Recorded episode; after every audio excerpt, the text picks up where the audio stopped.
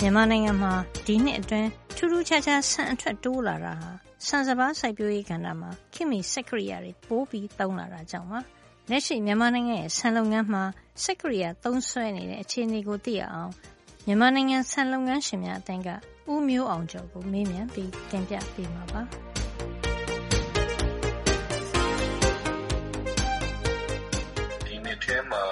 မြန်မာနိုင်ငံရဲ့ ပြည်ပတင်ပို့မှုကတန်ချိန် ၃ သန်းပေါ့နော်။၃ သန်းဆိုတဲ့ အတိုင်းအတာတခုကို ရောက်သွားတယ်။အဲဒီလို တခါမှ record မဖြစ်ဘူး။တန်ချိန် ၃ သန်းအထိကို တင်ပို့လို့ ရလာတယ်။”မြန်မာနိုင်ငံရဲ့ ဆန်တင်ပို့မှု ဒီနှစ်မှာ မကြုံစဖူး တိုးလာတယ်လို့ ပြောပေမယ့် လယ်စိုက်ဧက ထူးထူးခြားခြား တိုးလာတာတော့ သိပ်မရှိပါဘူး။ဘာကြောင့် ဆန်အထွက် တိုးလာရတာပါလဲ။“ထုတ်လုပ်မှု တိုးတက်တယ်ဆိုတဲ့ အပိုင်းမှာတော့ တောင်သူတွေမှာ မျိုးကောင်းမျိုးသန့် သုံးစွဲမှု နည်းနည်းလေး ပိုလာတယ်။သုံးစွဲရကောင်းမှန်း သူတို့ awareness တွေ ရှိလာတယ်။အဲဒါတပိုင်းပေါ့။နောက်ပြီးတော့ စိုက်ရေးပျိုးရေးပိုင်းမှာ နည်းပညာပိုင်းတွေမှာ လိုလားတဲ့ဆန္ဒတွေ ရှိလာတာလေးတွေမြင်ရတယ်။ရိတ်သိမ်းမှုစနစ်ပိုင်းမှာ လူငယ်တွေက အကုန်လုံး နိုင်ငံခြားကို ထွက်သွားတဲ့အခါကျတော့ လုပ်သားရှားပါးမှုက တော်တော်လေး စိန်ခေါ်မှုဖြစ်လာတယ်။အဲဒါအတွက်ကို ရိတ်သိမ်းခြွေလှေစက်တွေ ပိုပြီးတော့ သုံးစွဲလာတာ အခုဆို ၄ နှစ်ပတ်ဝန်းကျင်လောက်မှာ ထူးထူးခြားခြား တိုးတက်လာတယ်။ရိတ်သိမ်းခြွေလှေစက် Combine Harvester တွေ ပေါ်လာတာနဲ့အတူ လယ်ကွက်တွေက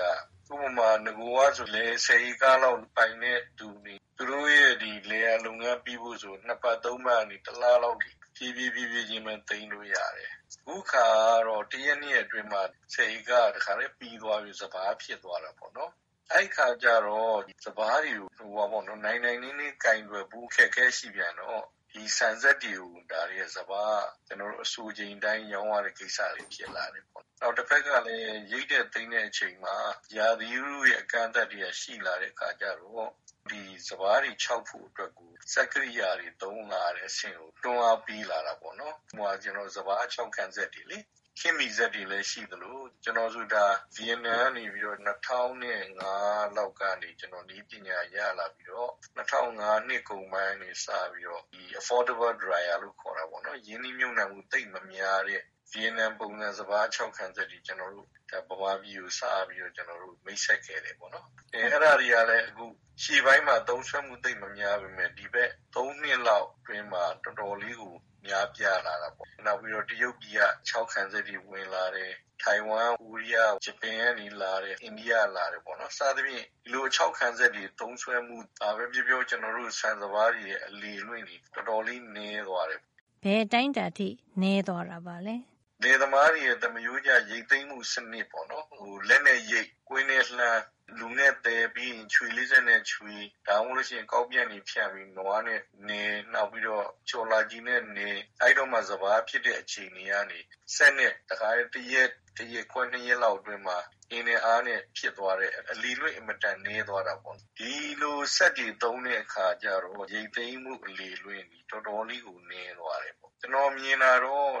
စပါးဖြစ်တဲ့အဆင့်မှာ၅ရာခိုင်နှုန်းလောက်ပဲသက်သာ။နောက်ပြီးတော့ကျနော်တို့ဆန်စက်တွေမှာစပါးခြောက်ခံစက်ကနေဆန်စက်တွေလည်းအဆင့်မြင့်လာတဲ့အခါကျတော့တော်တော်လေးလေလွင့်မှုနည်းလာတယ်ပေါ့နော်။နောက်ကာလာရှော့တာတွေဘာတွေတပ်ဘာညာဆိုတော့နည်းလာတဲ့အခါကျတော့ဆန်စက်အပိုင်းနဲ့တောင်သူလယ်သမားတွေအပိုင်းရဲ့လေလွင့်မှုသည်ကျနော့်အမြင်တော့၁၀ရာခိုင်နှုန်းလောက်ကိုလျော့သွားတဲ့သဘောရှိတယ်။နဂိုကဆိုရင်၂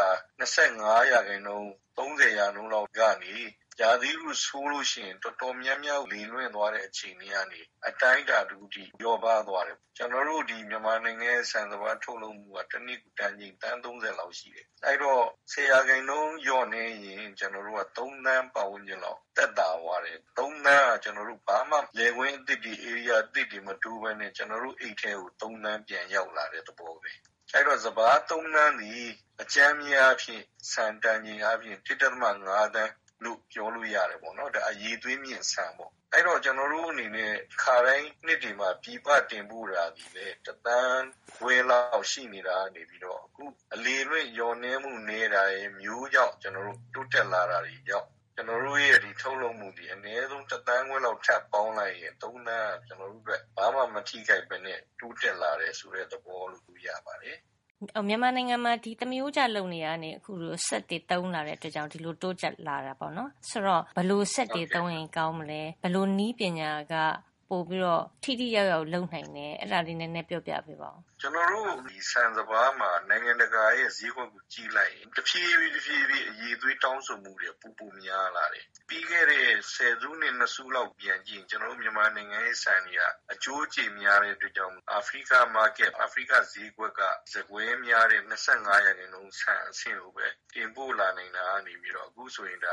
၅ရာခိုင်နှုန်း။နောက်ပြီးတော့ကျနော်တို့ Super Fine လို့ခေါ်တဲ့၅ရာခိုင်နှုန်းဆန်တွေတန်းမြင့်ဆန်တွေပါတော်တော်များများတင်ပို့လာတယ်။နောက်ပြီးတော့ ဝယ်လိုအားတွေ ရှိလာတယ်ပေါ့နော်။အဲဒီတော့ အရည်အသွေး တောင်းဆိုမှု ပြည့်ဝအောင်ဖြစ်ဖို့ဆိုတာ ဒီစပါးတွေ စပြီးတော့ ရိတ်ကတည်းကိုက ကိုင်တွယ်ထိန်းသိမ်းမှုမှာ စနစ်ကျနဖို့ အရမ်းအရေးကြီးပါတယ်။စပါးတွေကို အချိန်နဲ့တပြေးညီ ခြောက်ဖို့ သွေးဖို့သည် ပထမဆုံးနဲ့ အရေးကြီးဆုံးအဆင့်လို့ ကျနော်ပြောချင်ပါတယ်။စပါးရိတ်တဲ့အချိန်မှာ အစိုဓာတ်များတဲ့အတွက်ကြောင့် သူ့ကို မပျက်မစီးအောင်ဆိုရင် အချိန်တိုတိုအတွင်းမှာ စနစ်တကျ ခြောက်ဖို့ အပ်တာပေါ့နော်။ဒါကြောင့်မို့လို့စပါးခြောက်ခံစက်တွေ လိုပါတယ်။နီလှန်းတဲ့ စပါးထက် စပါးခြောက်ခံစက်တွေသုံးတဲ့ စပါးကဆန်ထွက်တွေ ပိုပါတယ်ခင်ဗျ။ နောက်တခုက ဘာလဲဆိုတော့ စက်အဆင့်အတန်းတွေ မြှင့်ဖို့လိုပါတယ် မြန်မာနိုင်ငံရဲ့ လိုအပ်ချက်ကို ကျနော်ပြောရရင် တောင်သူအဆင့်မှာ အရေးအကြီးဆုံးတခုကတော့ လယ်ယာတွေနဲ့ ပတ်သက်ရင် ကုန်ထုတ်လမ်းတွေ စနစ်ကျဖို့၊ရေသွေးမြောင်းတွေ စနစ်တကျဖို့၊အကွက်တွေကိုလည်း သေချာစနစ်တကျ ဖွံ့ဖြိုးအောင်လုပ်ဖို့ဆိုတဲ့ Land Consolidation ဆိုတဲ့ မြေယာနဲ့ ပတ်သက်တဲ့ အခြေခံကိစ္စတွေ အရမ်းအရေးကြီးပါတယ်